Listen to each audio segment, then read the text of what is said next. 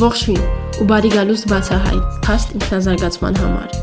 Ես Արմիգն եմ, ձեռներեց ու անչափ հետաքրքրասեր մարդ։ Այստեղ կիսվում եմ իմ փորձով ու գիտելիքներով, որովհետև համոզված եմ, որ օգնելու է շատ շատերիդ ավելի արագ հասնելու ձեր անձնական կամ գործնական նպատակներին։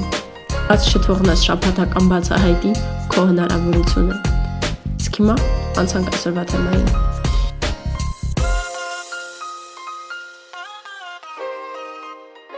Ես կարծում եմ, որ կյանքի մասին շատ կարևոր դասեր մենք սովորում ենք ոչ թե դպրոցում, ոչ թե համալսարանում, ոչ թե ուղակի տարբեր գրքեր կարդալով, այլ ինքներս ապրելով, ինքներս գործելով, այսինքն տարբեր բաներ փորձելով, հարաբերությունների մեջ,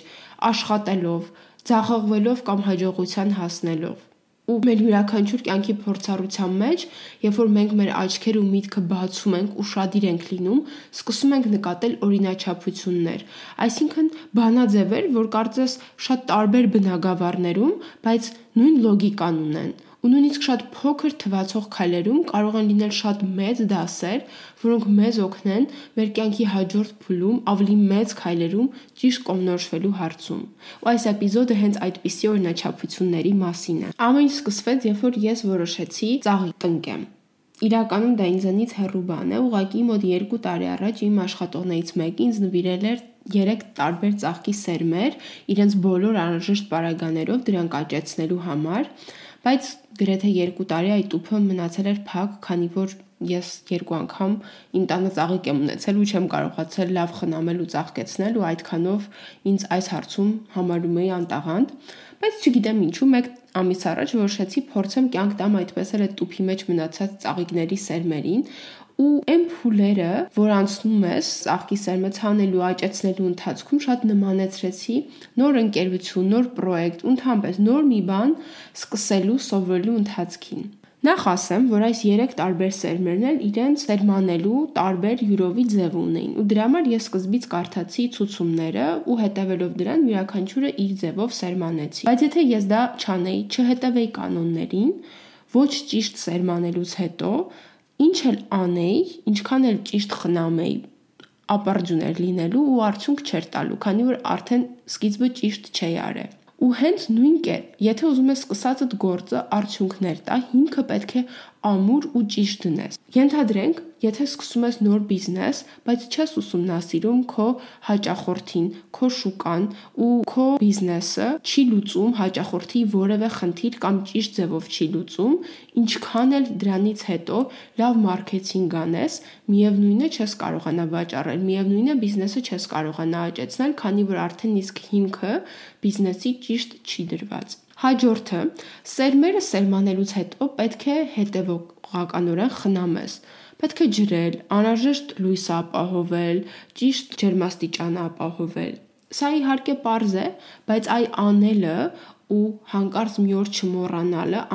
սա ապահովելը այդքան էլ չէ, հա, շատ հաճախ մոռանում էի, օրինակ ինձ մոտ դա նախկինում եղել է։ Ու այսպես եթե ուզում ես սկսածդ գործդ առաջ գնա, պետք է անընդհատ ու կարգապահորեն աշխատես դրա վրա։ Օրինակ եթե որոշել ես անգլերեն սովորես, բայց շատ հաճախ փոխում ես, հետաձգում ես պարապմունքի տորը։ Տնայինները չնայած որ գիտես, որ կարևոր է որ անես, միշտ չի որ անում ես բնականաբար կամ չես սովորի լեզուն, կամ էլ շատ ավելի երկար կտևի, կամ էլ լավ չես սովորի։ Դրա համար պետք է իմանալ ինչ անել, բայց եւ ամենակարևորը անել ու անել կարգապահորեն։ Հաջող արդյունքները հենց այստեղ են տարբերվում։ Փառք Աստծո հիմա ինֆորմացիա կա ամեն ինչի մասին ու հնարավոր է շատ-շատ հարցերում հստակ իմանալ, թե ինչ է պետք անել, բայց այ անելու մեջ է, որ մարդիկ տարբերվում են ու անելու մեջ է, որ արդեն արդյունքներն են տարբերվում։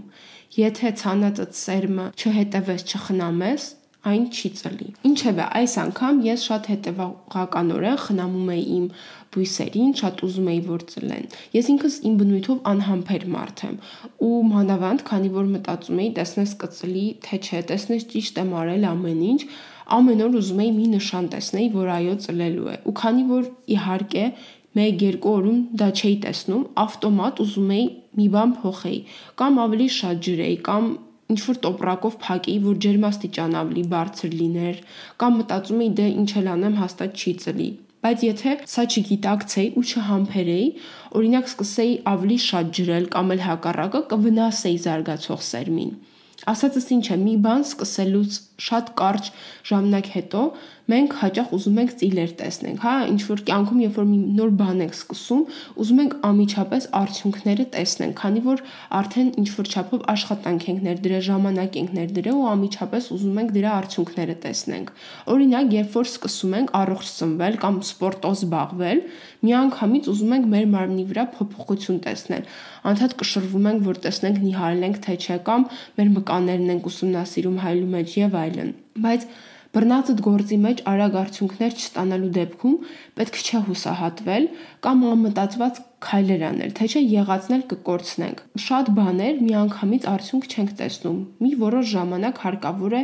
աշխատանք տանել, ժամանակ ներդնել, հետևողականորեն զարգացնել, որպեսզի նոր մենք արդյունքներ տեսնենք։ Դրա համար համբերությունը շատ կարևոր գործոն է հաջողությունների հասնելու հարցում, քանի որ միայն համբերատար լինելու արդյունքում է, որ մենք ուղակի շարունակում ենք անել մեր անելիքը, անել մեր պլանավորածը։ Կարծում եմ, որ այս դեպքերում միշտ օգնում է, որպեսզի մենք կենտրոնանանք ոչ թե արդյունքի վրա, այլ ուղակի կենտրոնանանք այսօրվա մեր անելիքի վրա, կենտրոնանանք process-ի վրա ու հաճույք ստանանք ուղակի նրանից, ինչը որ մենք անում ենք։ Եվ այսպես ես համբերատար ու հետևողականորեն շարունակում եի խնամել իմ սերմերը եւ մոտ 1 շաբաթ հետո վերջապես եկավ բաղձալի պահը, բույսերից մեկը ծիլ տվեց։ Ես շատ էի ուրախացել։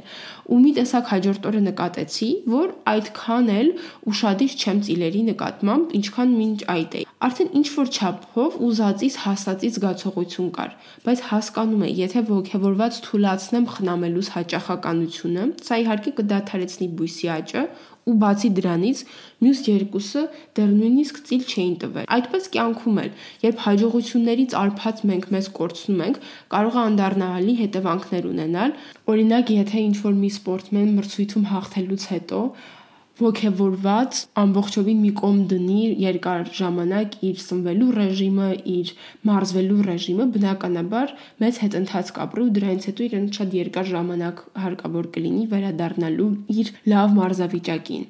Դրա համար իհարկե կարևոր է նշել ու վայելել մեր հաջողությունները, բայց մեզ դրանց մեջ չկորցնել կամ դրանով տարված մեր աճը չկանգնեցնել։ Սրա համար ես շարունակեցի նույն հետևողականությամբ եւ ուշադրությամբ խնամել իմ ծիլը եւ մյուս երկու սերմերը եւ վերջապես մյուս երկուսն էլ ծաղկեցին, բայց տարբեր ժամանակներում իմիջիայլոց վերջինը կակտուս էր, որից գրեթե հույսս կորցրել էի գրեթե 2.5 շաբաթ հետո, որը ինձ հիշեցրեց էլի համբերության մասին, հավատալու մասին եւ նաեւ տարբեր իրավիճակներ, տարբեր մարդկանց մեզ ուրիշների հետ չհամեմատելու, ուրիշներով չչափելու մասին, քանի որ դրանք տարբեր են։ Ամենավերջում ուզում եմ նաև շեշտեմ այն, որ երբ որ արդեն ծաղիկները ծաղկել են ու մենք ստացել ենք մեր վերջնական ուզած արդյունքը, կարևոր է վայելել դա եւ շարունակել հոգ տանել դրա մասին, այդպես կյանքում էլ։ Օրինակ, երբ որ աշխատել ենք, ստեղծել ենք մի հարաբերություն, երբ որ արդեն ունենք այդ հարաբերությունը, պետք է շարունակենք հոգ տանել այդ հարաբերության մասին, վայելել ան ու թողնել, որպեսի այն ել ավելի ծաղկի, չվերաբերվենք այնպես, որ արդեն հասել ենք, արդեն ունենք, կարող ենք այլևս հոգ չտանել, ուշադրություն չդարձնել, որտեվ ելի կարող ենք կորցնել ու դրա համար անհրաժեշտ է մեր ունեցածը գնահատել եւ շարունակել դրա մասին հոգ տանել։ Սա այն իմ դասերով նչափությունները, որ ինձ ծաղիկ աճեցնելու ժամանակ հիշեցրեցին շատ կարևոր կյանքի դասերի process-ների մասին ու հուսով եմ, որ կարողացա փոխանցել դա եւ հիշեցնել սրանք նաեւ ձեզ։ Ու վերջում ոնց որ միշտ հիշեցնելու եմ